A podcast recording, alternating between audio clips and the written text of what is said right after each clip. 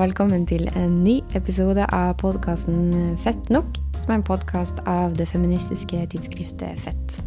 Jeg er ansvarlig redaktør og heter Hanne Linn Skogvang. Og med meg her i dag så har jeg Jenny Schnaller og Eira Ingersdatter.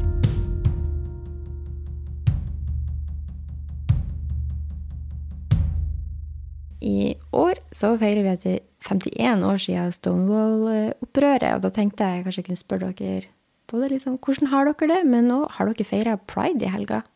Jeg har feiret pride eh, litt. På fredagen som var, så var jeg på Open Drag Stage, som er en av de første gangene de har hatt det i år, nesten, tror jeg, fordi det har jo vært eh, koronastengt. Så, og der var jeg fordi gutta i som er drag kings, og Nabi Young Geisha, som er en drag queen, har skrevet en eh, brevveksling om klær i det nyeste nummeret av Fett.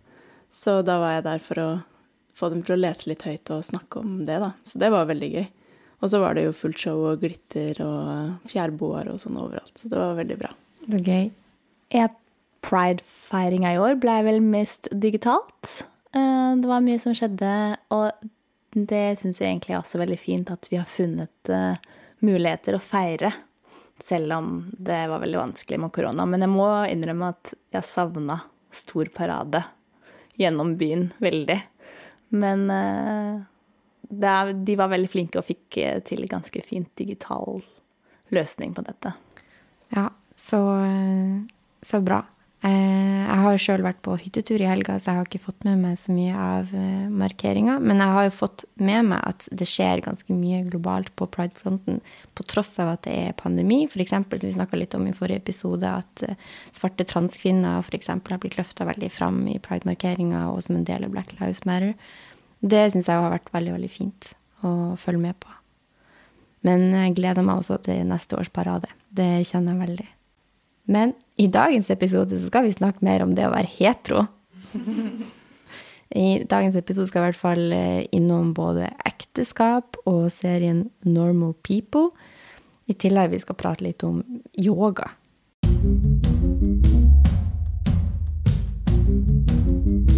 Og hvorfor prate om yoga i en feministisk podkast, lurer du kanskje på. Og eh, jeg tenkte at vi kunne ta utgangspunkt i en dokumentar som Netflix slapp, og det tror jeg er nesten et halvt år siden nå, men som handla om yogaguruen Bikram Shodri, som eh, har grunnlagt Bikram Studios over hele verden. Og eh, det er en såkalt varm yoga, så det utføres i 40 graders varme. Og han, eh, for å oppsummere veldig veldig raskt, har bygd opp denne kjeden siden i mange tiår. Men i løpet av de siste årene så har han blitt anklaga for seksuell trakassering, voldtekt, svindel, mange ting. Og eh, i den dokumentaren, den heter Bikram Yogi Guru Predator. Og jeg tenkte vi kunne bruke den til å som utgangspunkt å snakke litt om yoga og seksuell trakassering. Det er to ting som man kanskje ikke ofte tror henger sammen, men det er et større problem enn vi kanskje ante. Har dere sett dokumentaren? Ja, jeg har sett den.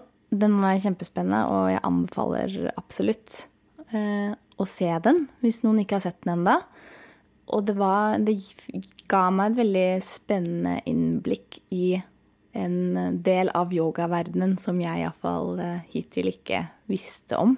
Ja, samme her. Jeg så den også i forrige uke, og ble også helt sånn satt ut av alt den inneholdt, da, og alt han har drevet med og gjort. Fordi det var også en del av Jeg tenker jo på yoga som en veldig sånn rolig aktivitet og spirituelt og sånn, og det her er jo veldig det motsatte, da. Ja, bare for å male et bilde for lytterne som kanskje ikke har, kjenner så godt til dokumentaren eller til Bikram yoga, så er det jo, ja, som jeg nevnte, varm yoga, så, og det er en serie faste yogastillinger som gjøres alltid. Og han har på en måte bygd opp en skole der han lærer opp elever som kan bli yoga teachers, som kan gå ut og liksom opprette sitt eget studio og undervise elevene i det. Og eh, i disse salene der han gjennomfører sånne enorme yogaøkter, så er det jo kjempe, kjempevarmt. Og han sitter ofte litt sånn opphøyd med sin egen personlige vifte og går rundt i en sånn trang liten speedo, eh, og bare det og en Rolex-klokke. Og sier ting som Jeg er den smarteste mannen dere noen gang har møtt. Jeg er den mest spirituelle mannen dere noen gang har møtt.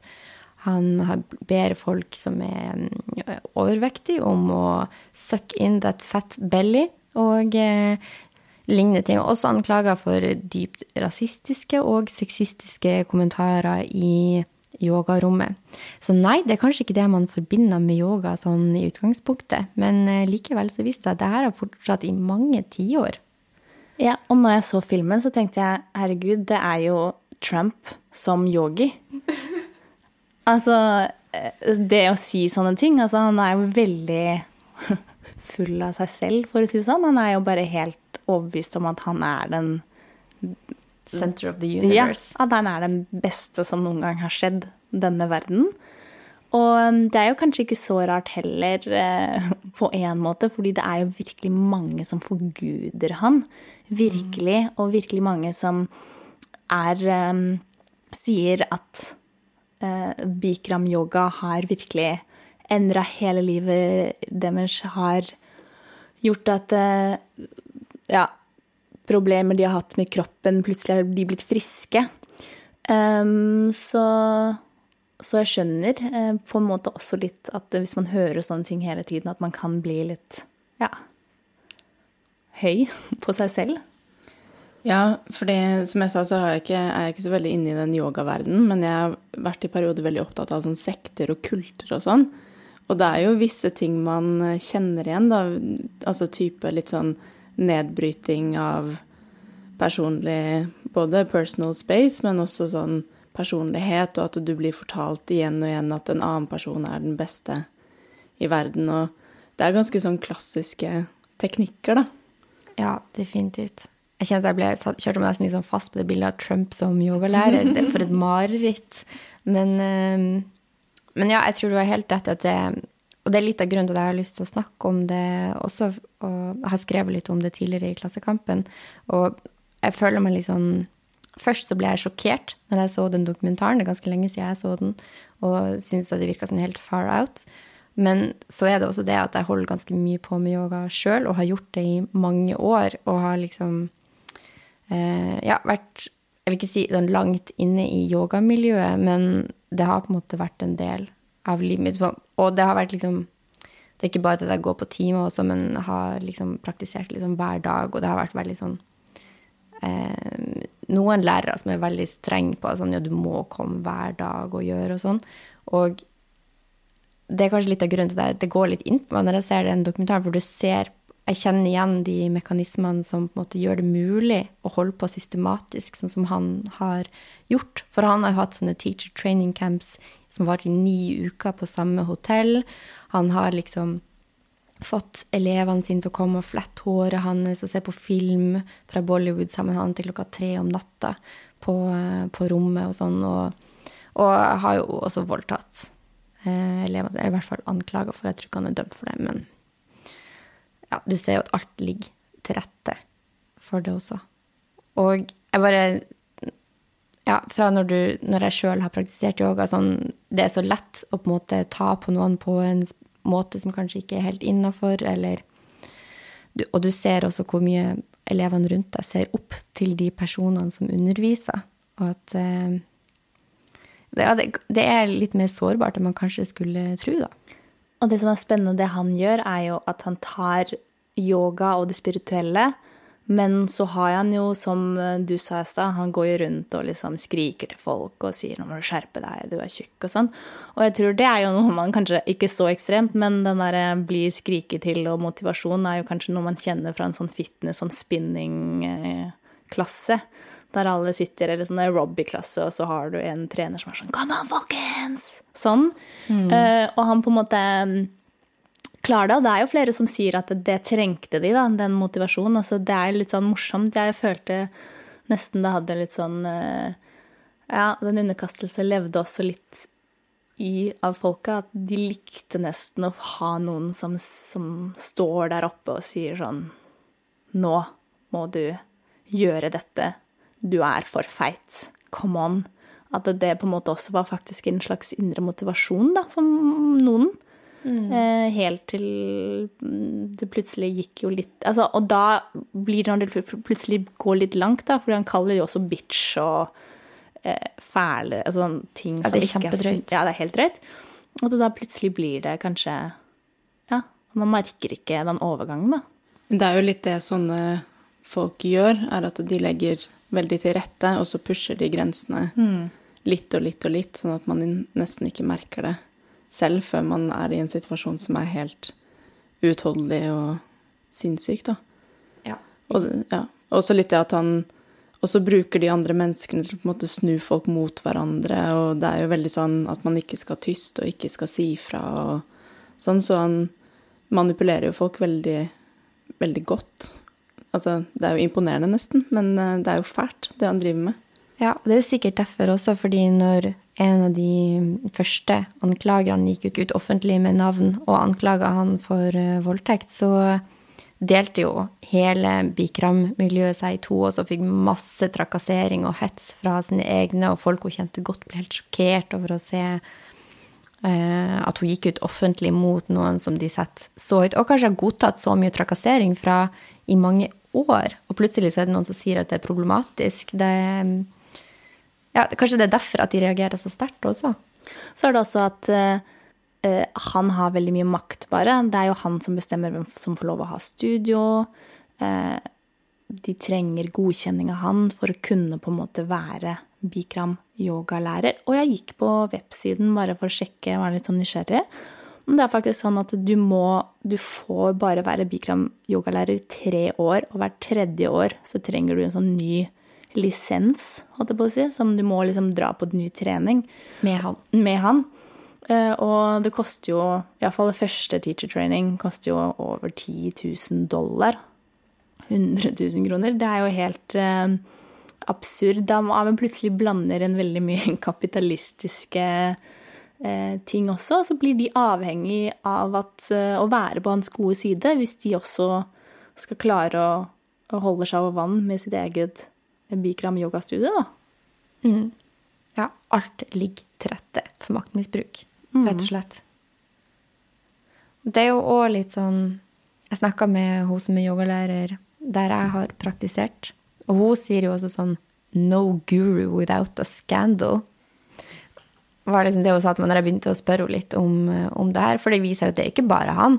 Det er mange andre sånne høytstående yogaguruer som har blitt anklagende for eh, problematisk justering i yogastillinga, at man kanskje Ja, Um, en som heter Shri K. Patabi Joyce, som er litt sånn guru i ashtanga-miljøet. Han døde i 2009, hvis jeg husker rett.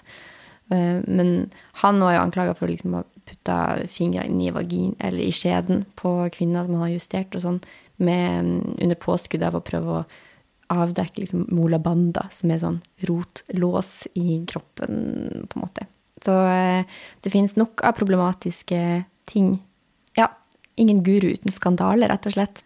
Men fins det fortsatt Bikram yogastudier i Oslo? Ja, det er akkurat det de gjør, og eh, det tenker jeg jo er litt sånn Spørsmålet er jo hvordan man skal forholde seg til, den, eh, til at dette fins, for det er ikke noe tvil om at yoga har endra mange sine liv. Det er kjempepositiv kraft for mange folk, for meg sjøl inkludert. Så hvordan skal man forholde seg til det som enkeltperson? Jeg tenker i hvert fall at det disse Bikram-studiosene For Bikram praktiserer fortsatt, har fortsatt workshops. Han ble dømt for, eh, i rettssak mot sin egen tidligere advokat i USA for et par år siden. Så flykta han landet og har bare fortsatt å ha workshops i Spania, Mexico, India. Og det man kan gjøre, i hvert fall å kreve at yogastudio kanskje bytter navn fra Bikram til Hot Yoga. For det er ikke han som har grunnlagt den serien av stillinger som han gjør heller. Han har ikke noe patent på det eller noe som helst. Det er noen andre som har grunnlagt, som han har tatt kred for. Så eh, det navnet tenker jeg det, det kan man kvitte seg med. Enig. Ja, absolutt. Og er- i filmen sier de også hele tiden at man må liksom skille mellom yogaen liksom, og læreren, altså Bikram. Så den fineste måten å faktisk gjøre det på, er jo virkelig å bare glemme han som person, Bikram, og ta yogaen bare, og fortsette med det uten han.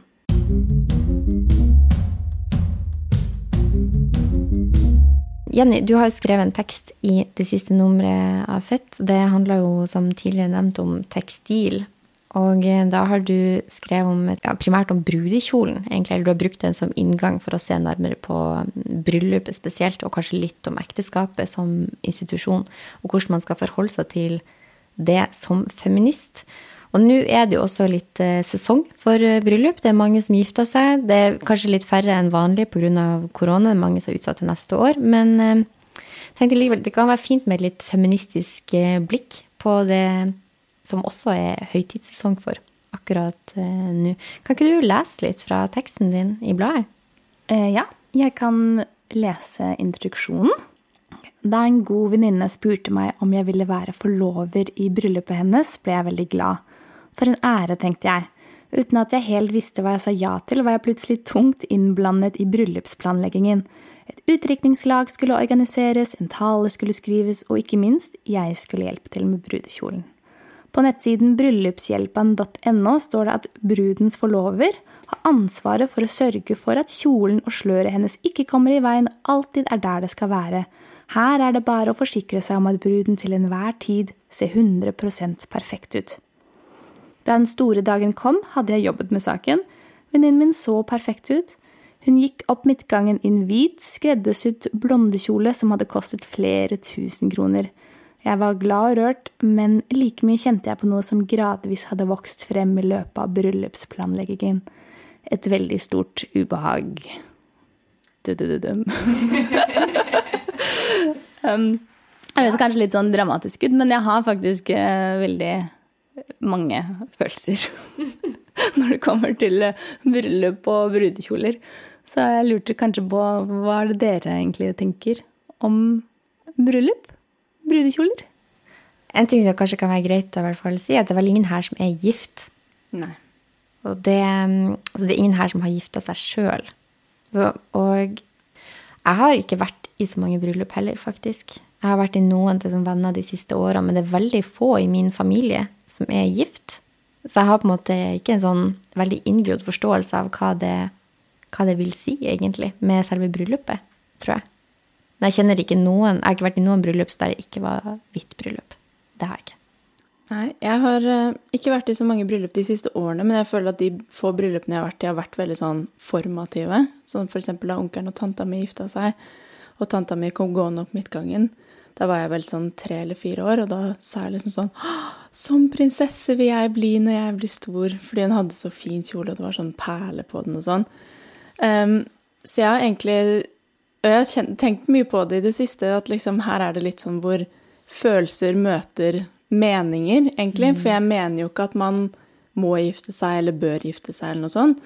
Men så merker jeg at det er et eller annet sånn veldig konservativt inni meg som er sånn Jo, men det skal man gjøre, og det skal man gjøre før man får barn. Og så blir jeg helt sånn satt ut av det jeg på en måte plutselig finner ut at jeg mener selv, da. For jeg er ikke enig med meg selv om det. Så det er litt sånn det er litt rart, så jeg har ikke egentlig helt bestemt meg ennå. For om du skal gifte deg eller ikke? Ja, sånn, jeg har jo lyst til det, men da blir det mer sånn har jeg lyst til det for de riktige grunnene? Eller har jeg lyst til det fordi det er sånn det skal være? Og det vil jeg jo ikke være med på. Å liksom opprettholde en sånn litt problematisk tradisjon, da. På tradisjonens premisser, liksom. Ikke sant? Har du lyst til å være prinsesse? Nei, jeg tror ikke det. Jeg tror jeg har gått litt bort fra den derre prinsessedrømmen. Jeg er ikke så veldig glad i monarki og sånn, så da blir det litt feil. Hva med deg, Jenny? Og nå kommer kanskje dere noe dere ikke visste, og det var at jeg var faktisk gift. Ja, så jeg sier ikke gift. Og det var fordi ekskjæresten min eh, Det er litt annen historie, men jeg bare følte jeg må oppklare det nå, siden jeg sa det. Jeg var fra USA. Så det var på en måte eh, Jeg følte også på en måte ikke at det var eh, uten at jeg ville gjøre det, men eh, det var også den muligheten vi hadde da, for å være sammen, rett og slett. Ellers så hadde det ikke gått. Og det var kanskje det også var selvfølgelig én med de grunnene som også gjorde at jeg måtte tenke så mye over det, og hva jeg syns om det. Eh, bryllup. Pluss at eh, jeg følte akkurat i den tiden vi gjorde det ut av litt mer sånn eh, følte måtte det, var det veldig mange venninner av meg som virkelig feira det sånn skikkelig. Veldig inn i det. Hvit bryllup og brudekjoler og alt sånn. Så da var det ekstra mye ambivalens da, som eh, utviklet seg, og som kanskje førte til at jeg skrev denne teksten. Når du sier at dere måtte gifte dere, var det, var det noen praktiske årsaker? Altså oppholdstillatelse og den Ja. type? Ja. Ja, det er jo oppholdstillatelse. Og det er jo lett å glemme at det, er ofte den eneste muligheten da, for å kunne fortsette å være sammen med noen som ikke er EØS-borger. Så da blir jo plutselig bryllup eh, ganske viktig fra et annet perspektiv. Ja, for det syns jeg er sånn fint å ta med seg, for nå snakker vi jo om bryllup på en liksom privilegert måte. Det, liksom, det handler om festen og feiring og feiring av kjærligheten, og det kan vi gjerne, det synes jeg vi kan snakke mer om. Men det er jo òg på en måte Det er jo ikke alle som kan gifte seg heller. Nei, ikke sant. Og det er veldig viktig å tenke på. Og apropos pride, så er det jo fortsatt eh, sånn at homofile bare ikke kan gifte seg ja, nesten overalt. Bare noen få land. Og til og med i de landa er det jo ikke så veldig lenge siden det kommet. Så det er viktig å tenke på når vi snakker på bryllup, så er det egentlig en ganske privilegert prosess. Hvem er det som overhodet kan gifte seg, og hvorfor? Vi kan jo snakke litt mer om hvorfor. Sånn på, eller sånn om selve de bryllupstradisjonene. Eh, egentlig også. For det er jo en del som er ganske konservativ også. For eksempel så har du det med at eh, Du skriver jo om en venninne som går ned midtgangen. Ble hun mm, eskortert av faren sin, eksempel? Det ble hun faktisk ikke. Nei. Og det fordi det sa jeg at hun ikke fikk lov til, rett og slett. Eh, fordi det fins jo Det er det kanskje som er også et av hovedproblemene mitt, er at det fins så mange tradisjoner eh, når det gjelder den derre hvite bryllupsfeiringa, som er bare, syns jeg, helt forferdelige, da. Eller som har en litt sånn rar eh, historisk bakgrunn, som jeg tenker er feministisk problematisk, iallfall. Ja, og en av grunnene til det er jo at det er ikke så gamle tradisjoner nødvendigvis heller. F.eks. den ideen om at faren skal eskortere bruden opp kirkegangen, det er jo relativt nytt i norsk kontekst, for i det gamle norske bondesamfunnet så reiste de gjerne sammen til kirka, altså paret som skulle gifte seg, og gikk opp i lag. Og det er det jo mange norske prester som ønsker at de som gifter seg, skal gjøre, men likevel så er det det mest utbredte, det er å bli fulgt opp av faren sin. Altså faren følger bruden opp eh, kirkegangen. Og det blir særlig utbredt liksom fra tidlig 1900-tallet, så begynner liksom borgerskapet med det, og utover 60-tallet spesielt så øker det enda mer. Og da har det kanskje litt med amerikansk påvirkning å gjøre også. Og fortsatt så er det det som er mest vanlig. Men det er det jeg tenker som er en viktig grunn til å snakke om det her, da, er at eh, man ser på det som noe så veldig tradisjonelt, mange av de bryllupsskikkene, og så viser det seg at de kanskje ikke er så gamle, og at de ikke er så tradisjonelle likevel, og at det er mange som på en måte svelger det litt, da, og tenker sånn, ja, men det er sånn et bryllup skal være, når det egentlig har vært veldig annerledes før, eller også at man må tenke litt faktisk litt kritisk på hvilke tradisjoner man velger å opprettholde, da. Som å bli ledsaget av faren sin. Det er jo også noen som driver med Det her har jeg gjort litt research på, på Kvinneguiden. Eh, Det er jo noen som syns det er veldig romantisk at f.eks.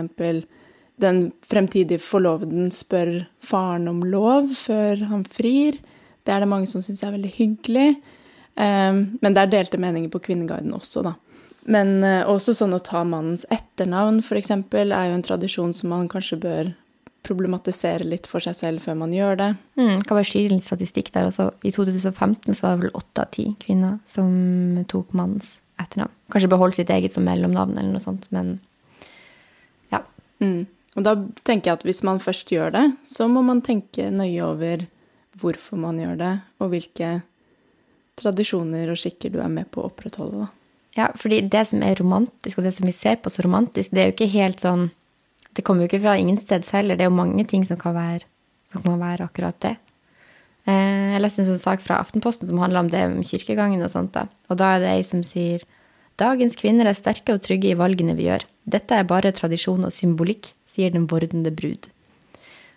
Jeg tenker sånn, Er det bare det, eller hva, hva tenker du, Jenny, som har på en måte skrevet om det? jeg, jeg skjønner jo at det er også veldig fint, da. Vi har jo blitt opplært til å synes at sånne drømmekjoler er akkurat det. Drømmekjoler. Og at det er jo veldig fint, den tanken å en dag skulle ha på seg en sånn fantastisk kjole og se så fin ut. Men jeg tenker også det er viktig å tenke litt på hvor det kommer fra. Og om hva man gjør, da. Om man på en måte opprettholder eh, sånn veldig hierarkisk kjønnsforskjeller. For det er noe jeg påpeker som egentlig er skjønt så rart. Fordi særlig i Norge Um, alle jeg snakker med, er jo sånn Ja, men vi er så likestilte og i ekteskapet og sånn. Og så skal man begynne ekteskapet på en måte som bare virkelig glorifiserer og iscenesetter helt ekstreme kjønnsforskjeller idet liksom kvinnen plutselig skal være en prinsesse i hvit eh, og stå i midtpunkten når mannen står ved siden av. Og det vet ikke, det er liksom en, en side av meg som jeg ikke eh, skjønner hvorfor vi fortsatt gjør det. Tror du kanskje at det er litt sånn karnevaliser Eller sånn karneval på en måte at man liksom Man, eh, man får liksom act out. Virkelig sånn alt som er helt motsatt av sånn norsk, traust, likestilt ekteskap. Ellers Eller så får man liksom bare sånn Nei, jeg har så stor kjole, du må hjelpe meg på do, og sånn. Og du, uh, jeg vet ikke, At det er litt sånn lek med de kjønnsrollene òg, kanskje? Ja, kanskje. Altså, i, det jeg skriver i artikkelen, er jeg tar for meg Sarah Ahmed som er ja, feministisk queer-forsker. Um, som har skrevet en bok i 2010 som heter The Promise of Happiness, som jeg anbefaler veldig. Og det hun skriver, er at det, i vår verden så fins det noe som hun kaller for happy objects, altså noen slags gledesobjekter, som vi på en måte higer etter. Fordi vi tror hvis vi har de, så, så kommer livet vårt til å bli bra. Det er på en måte ingredienser til et godt liv. Det kan være forskjellige ting, men hun sier også at bryllup og ekteskap er en av de tingene. At vi blir på en måte opplært av samfunnet å tenke det trenger jeg for å være lykkelig i livet, og hvem vil ikke være lykkelig? Og vi vet jo egentlig at bryllupsdagen er the happiest day of your life. Så det blir sånn dobbel opp, da, at bryllup blir også en slags um, et ønske Eh, vi må oppfølge oss selv for å ha et lykkelig liv, kanskje. Iallfall tror jeg at mange tenker at det er veldig mye lykke eller sånn godt liv bundet til det, da. Er dere enige, eller? Jeg tror aldri jeg har sett på bryllupet på den måten. Så jeg kjenner meg ikke helt igjen i det begjæret, men det er kanskje pga. min feministiske indoktrinering gjennom mange år. Eh, men jeg er nok ikke helt fremmed for tanken om å gifte meg. Men det tror jeg også handler litt om å si ja til sånn fellesskap og sånne ting, for min del. At det, jeg tenker at man kan fylle en institusjon med det man vil, på en måte. Og at Jeg vet ikke om jeg er helt enig i at sånn patriarkatet skal ha definisjonsmakt på, hva, på liksom kjærlighetsforhold heller. Som han sier, så er det sikkert hva man legger i det. Og man kan jo helt sikkert finne nye måter å gifte seg på som ikke nødvendigvis eh, tar utgangspunkt i veldig sånn patriarkiske tradisjoner. Og det er jo veldig fint å feire kjærligheten, jeg er veldig med på det. Men jeg ser også generelt er bare kritisk til institusjonen i seg selv. Ja, når vi snakker om det her, Men så tenker jeg også liksom på det å ta på en måte feministiske valg. sånn, Er det valget feministisk, eller er det valget feministisk? Kan jeg være feminist og gå med høye hæler? sånn. Så blir det alltid litt sånn jeg føler òg at det er en litt sånn ufruktbar diskusjon om liksom alle valg skal være feministiske eller ikke, fordi et liv, et menneskeliv, er på en måte fylt av sånne motsetninger og hele tida, tenker jeg da. Og at det må på en måte, hvis feminismen skal være en inkluderende ideologi, så må man på en måte ta høyde for at man kan liksom ikke være perfekt hele tida. Det er klart at de enkelte valg som man tar i hverdagen, har noe å si for utviklinga. Det er ikke sånn at man eh, ikke er relevant, men eh, ja, det, De fleste sitt liv er liksom fylt av ambivalens og motsetning. Jeg tenker hele tida på et intervju som jeg gjorde med Roxanne Gay, som har skrevet 'Bad Feminist', når vi snakka om det her. Og at hun på en måte føler sånn skyldfølelse for å, synge, for å danse til en liksom sexistisk sang og sånn. Og skriver ganske gode essay om eh, liksom den eh, ambivalensen hele tida, som jeg syns er veldig sånn fint perspektiv. At man kan ikke være perfekt til enhver tid heller. Man skal leve et liv. Og det som hun også sier i det intervjuet, at hun mener at det er for lite rom for ambivalens i feminismen, sånn som hun ser det. Fordi den, feminismen skal jo favne alle kvinner. mange kvinner er gift og lever i tradisjonelle ekteskap, og det, vi skal på en måte møte de òg, da. Og Roxanne Gay er vel gift, så da er det kanskje Det er jo det. Ja. Ja, Så da er det kanskje en mulighet. Og det er kanskje egentlig konklusjonen på teksten min også, er at uh, av og til så kommer lykkefølelsen i en eh, skreddersydd, eh, hvit, lang, blonde brudekjole. Og hvis det gjør at man har det bra, så har man det bare bra. Hva skal man gjøre? Ja. Kanskje jeg kan avslutte med et sitat av hun også fra det intervjuet, som står i Fett om følelser, som kom i fjor. Jeg tror mange tenker at det feministiske prosjektet handler om å ikke trenge noen ting, selv om alle vet at det ikke er sant. Og samtidig er en nøkkelsaken i feminisme å støtte kvinner når de får barn, og jobbe for at de kan ta vare på dem. Ambivalensen holder vi kjeft om, og det er så dypt usunt når de fleste av oss ender opp med å få barn eller lever i parforhold. Og det tenker jeg liksom, det, det syns jeg er et fint perspektiv på det også, da.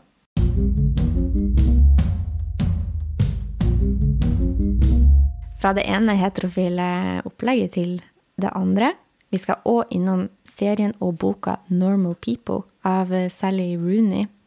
Som eh, serien kom jo ganske nylig, har tatt norske seere med storm. Den ligger ute på NRK, og de mange her som har sett den. Og eh, den serien handler om kjærlighetsforholdet mellom Marianne og Connell, eh, som er fra Irland. Og hvis jeg vi skulle snakke litt om kjønnsdynamikken i denne serien. Hva syntes du, Eira? Ja.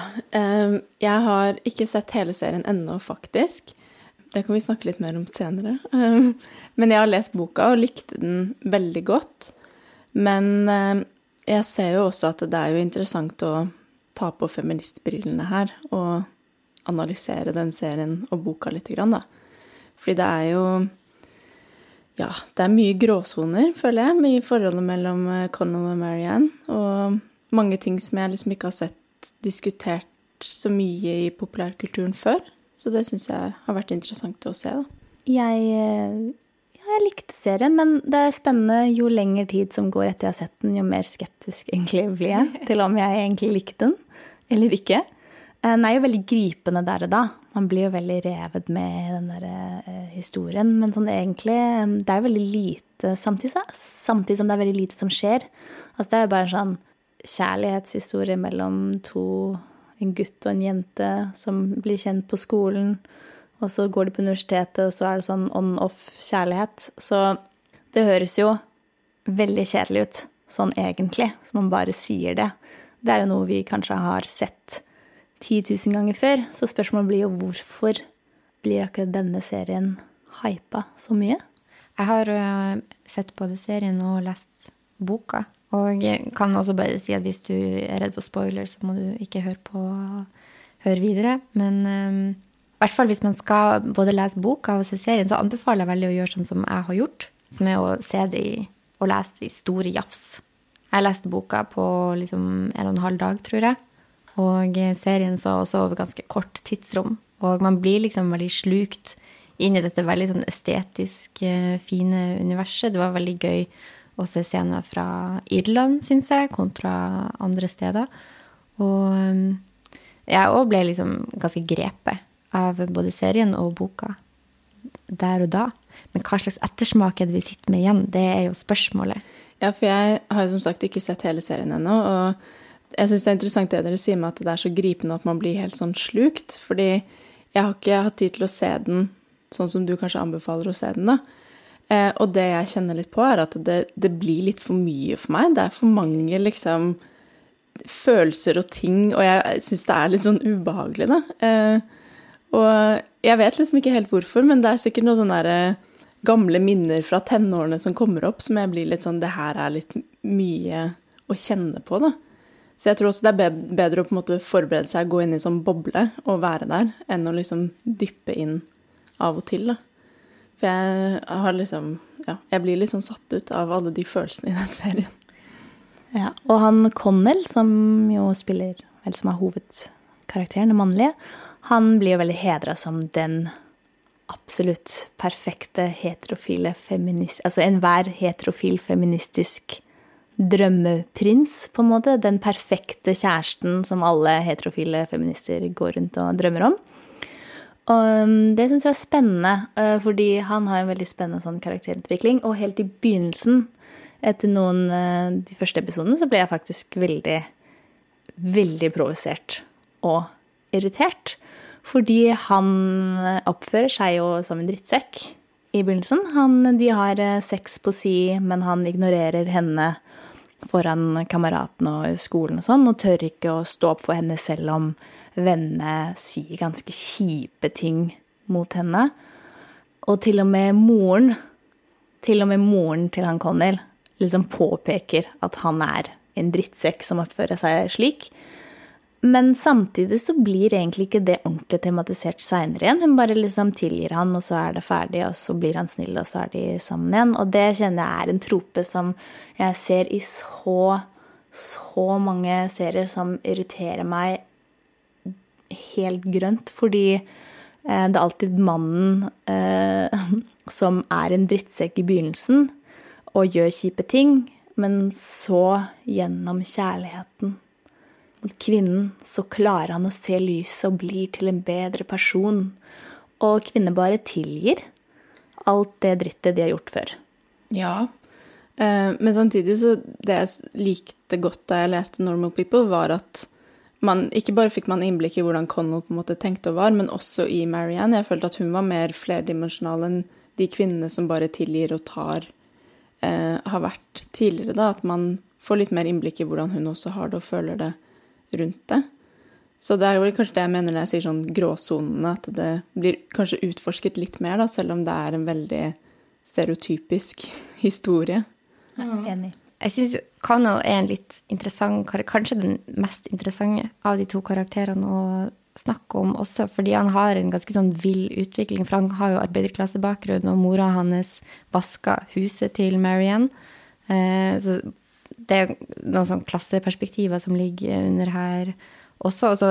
Men så drar han på college på Trinity og eh, ender opp egentlig med å bli forfatter. Han er, liksom, er fotballhunk på skolen når vi først møter han, og så blir han liksom tar han inn høyere utdanning med, liksom, med glans og blir sånn stjerneskribent på skolen. Og så ender det jo med at han også får stipend for å dra til New York og gå på forfatterskole.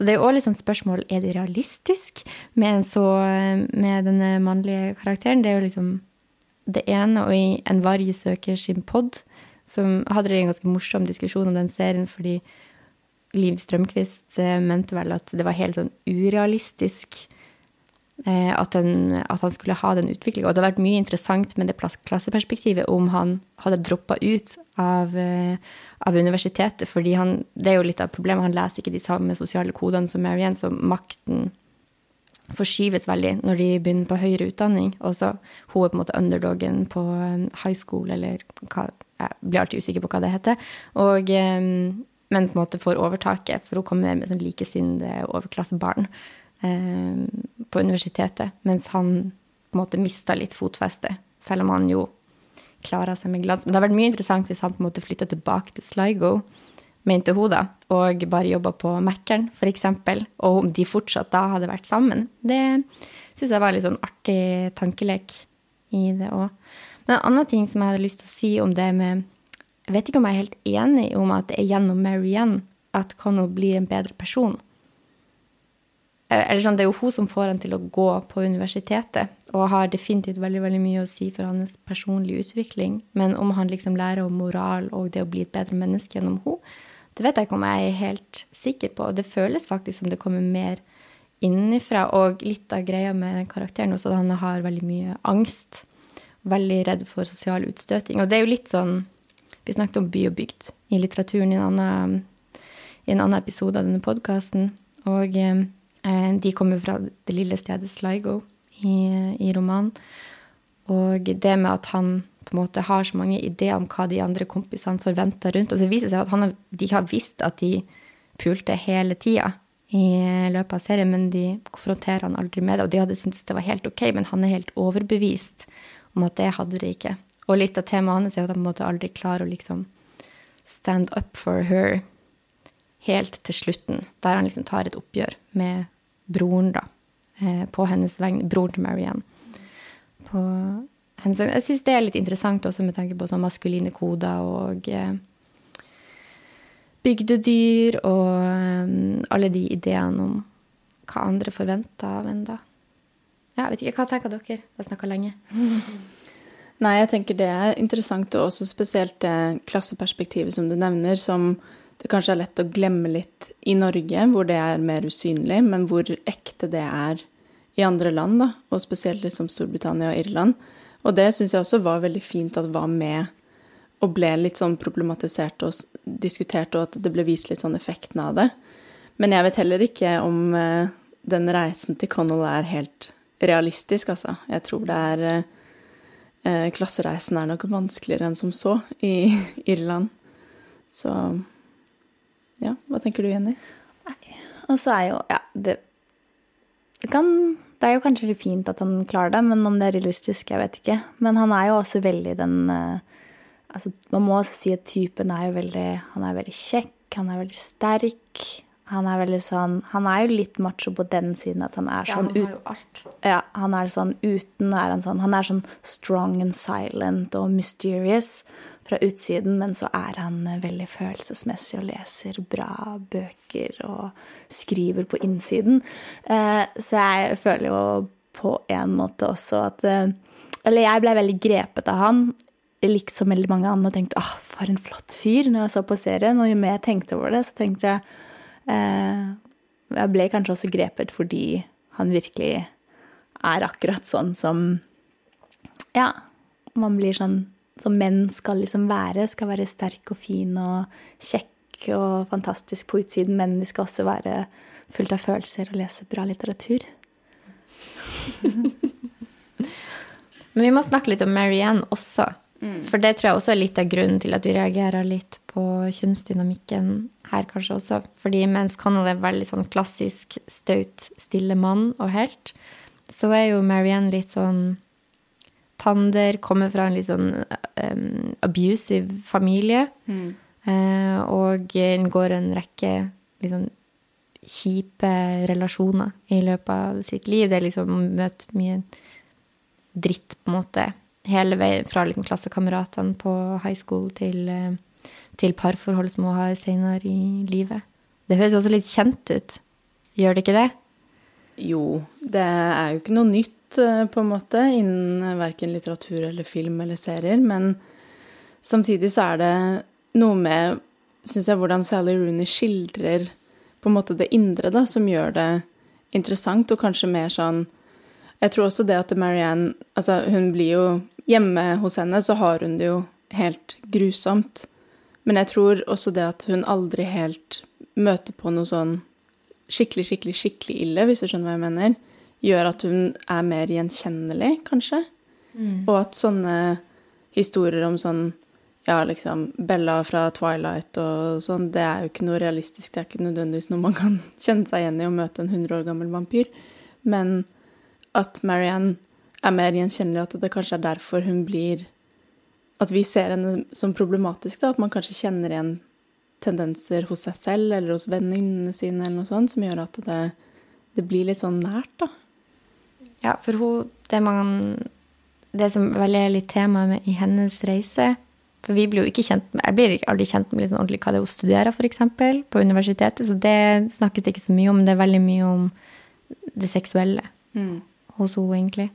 Og det som vel er litt tema, er at hun på en måte får så mye Med så mye dårlig Har så dårlig oppvekst at hun også kanskje til og med aktivt oppsøker eh, skadelige forhold senere i livet.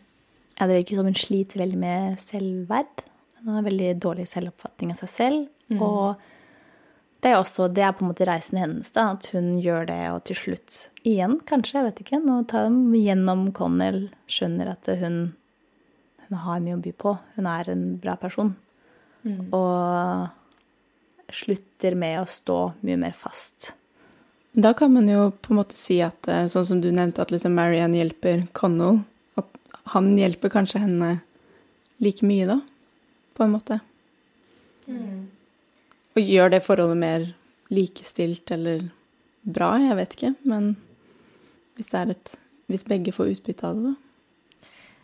Jeg leste et intervju med Sally Rooney i går kveld, og da trakk de fram en sånn passasje fra romanen der eh, han forstår at han på en måte kan gjøre hva han vil med henne, at han har sånn makt over, eh, over hva hun på en måte ønsker. Sånn, hun kommer til å gjøre alt han ber om, liksom, og blir helt sånn eh, sjokkert og, og um, forferdelig om denne tendensen til å undertrykke og dominere finnes hos han også.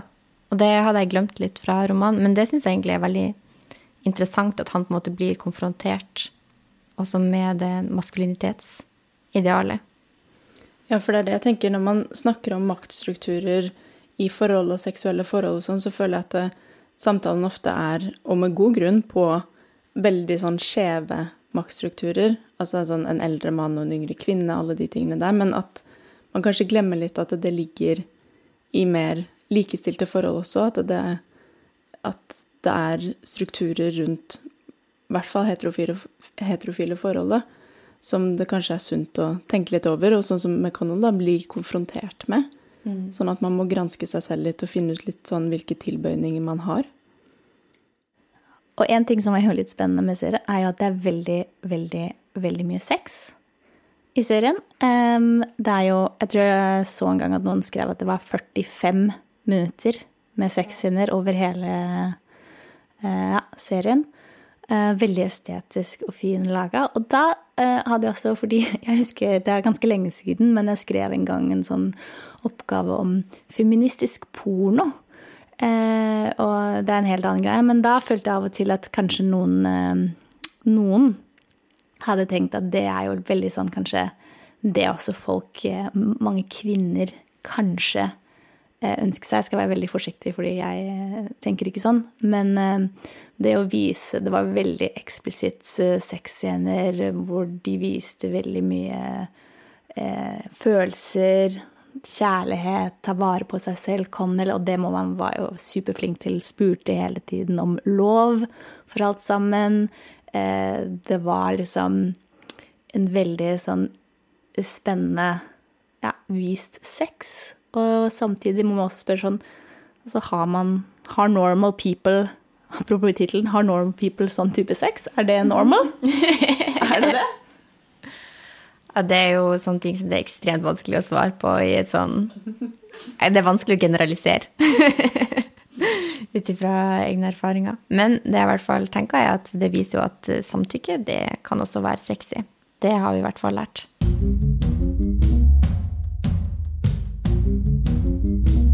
Du har nå hørt en episode av podkasten Fett nok, som er laga av det feministiske kulturtidsskriftet Fett. Hvis du ønsker å høre flere episoder som dette, så vil jeg anbefale deg å tegne et abonnement på tidsskriftet Fett, fordi da det kan du gjøre på fettbutikk.com. Da hjelper det oss til å fortsette med å ha denne podkasten. Ikke minst får du lese tidsskriftet som vi har referert til flere ganger i podden. I podkastredaksjonen så sitter eh, Eline Hystad, Jenny Schnaller, Eira Ingersdatter, Mona Jibril og Mari Lilleslåtten, i tillegg til meg sjøl. Jeg heter Hannelin Skogvang.